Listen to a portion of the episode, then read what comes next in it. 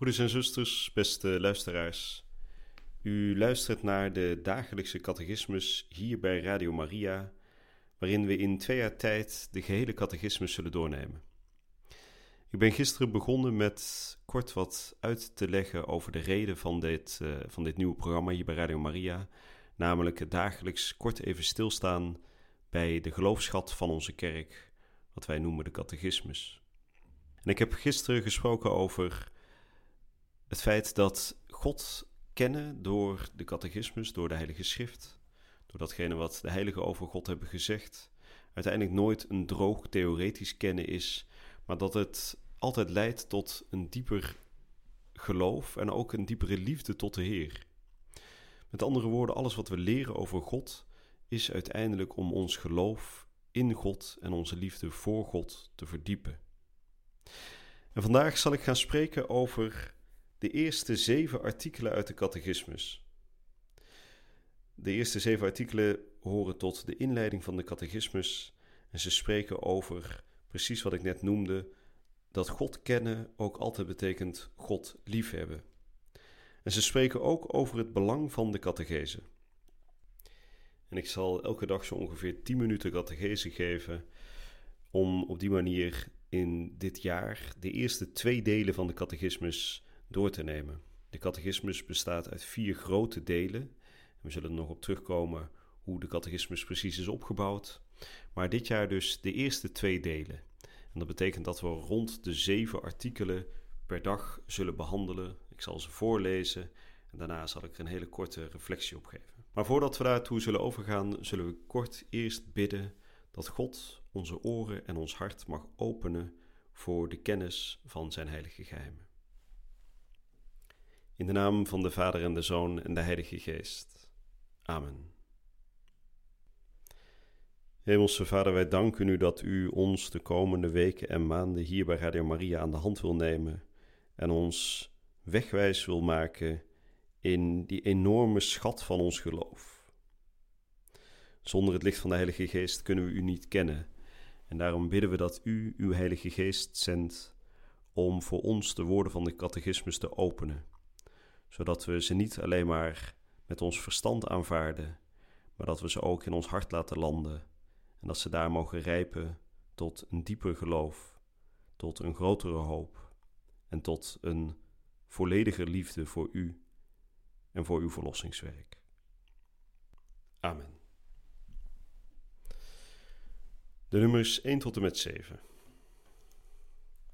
Vader, dit is het eeuwige leven dat zij u kennen, de enige ware God en Hem die gij gezonden hebt, Jezus Christus. God onze Heiland, wil dat alle mensen gered worden en tot de kennis van de waarheid komen. Bij niemand anders is dan ook de redding te vinden, en geen andere naam onder de hemel is aan de mensen gegeven waarin wij gered moeten worden, dan de naam Jezus. God, die oneindig volmaakt en gelukkig is in zichzelf, heeft uit zuivere goedheid in vrijheid de mens geschapen, om hen te laten delen in zijn eigen gelukzalig leven. Daarom nadert hij altijd en overal tot de mens. Hij roept hem, biedt hem hulp om hem te zoeken, te kennen en met al zijn krachten lief te hebben. Alle mensen door de zonde verdeeld, nodigt hij uit tot de eenheid van zijn gezin, de kerk.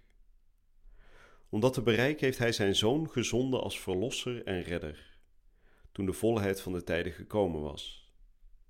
In hem en door hem roept hij de mensen op om in de Heilige Geest zijn aangenomen kinderen te worden, en zo erfgenamen te worden van zijn gelukzalig leven.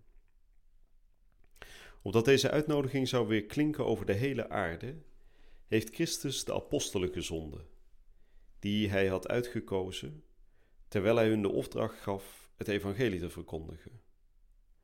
Ga dus en maakt alle volkeren tot mijn leerlingen, en doopt hen in de naam van de Vader en de Zoon en de Heilige Geest, en leert hun te onderhouden alles wat ik u bevolen heb. Ziet, ik ben met u alle dagen tot aan de voleinding der wereld. Belast met deze opdracht trokken de apostelen uit om overal te prediken. En de Heer werkte met hen mee en schonk kracht aan hun woord door de tekenen die het vergezelden. Degenen die met Gods hulp de, de uitnodiging van Christus hebben ontvangen en er vrijelijk op hebben geantwoord, zijn op hun beurt door de liefde van Christus ertoe aangezet om overal ter wereld de blijde boodschap te verkondigen. Deze van de apostelen ontvangen schat is trouw bewaard door hun opvolgers.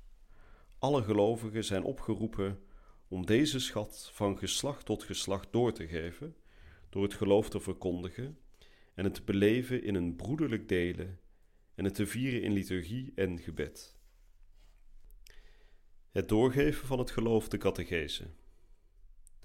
Heel vroeg al heeft men met catechese het geheel van initiatieven aangeduid, die er in de kerk ondernomen zijn om de mensen tot leerlingen te maken, om mensen te helpen te geloven dat Jezus de Zoon van God is, omdat zij door het geloof het leven in Zijn naam zouden bezitten, en om hen op te voeden en te onderrichten in dit leven en zo Christus lichaam op te bouwen.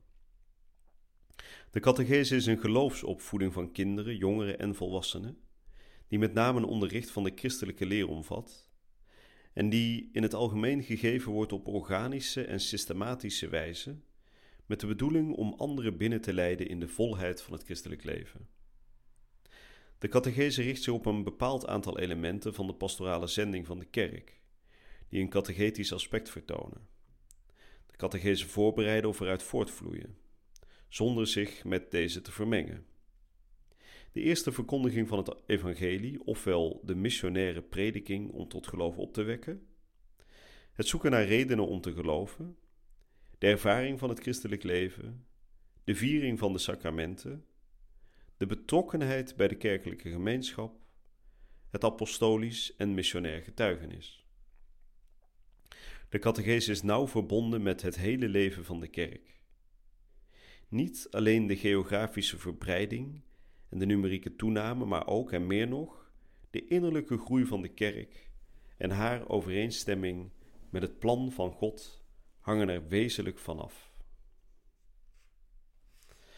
Dat waren de eerste zeven artikelen uit de catechismus. Misschien moeten we nog wat wennen aan de taal, maar dat komt denk ik vanzelf.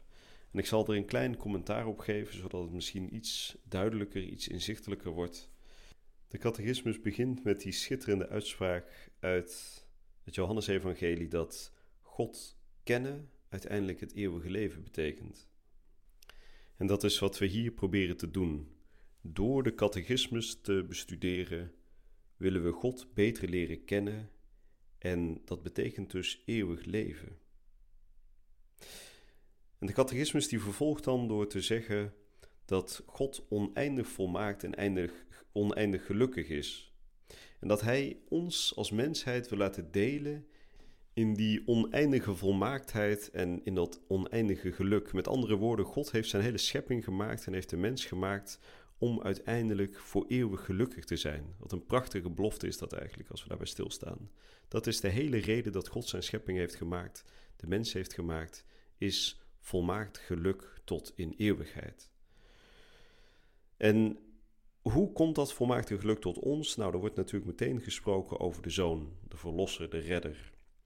God heeft zijn zoon naar de aarde gezonden om de verdeelde mensheid weer één te maken, om de verdeelde mensheid om die thuis te brengen in dat grote gezin van God.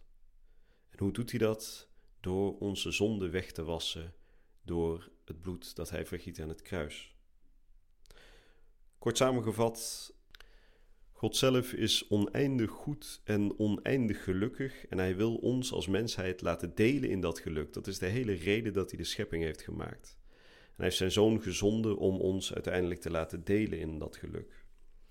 En hij heeft door zijn zoon de opdracht gegeven aan de apostelen om dat verlossingsplan ook mee te delen aan heel de mensheid. En door de apostelen is dat uiteindelijk ook tot ons gekomen.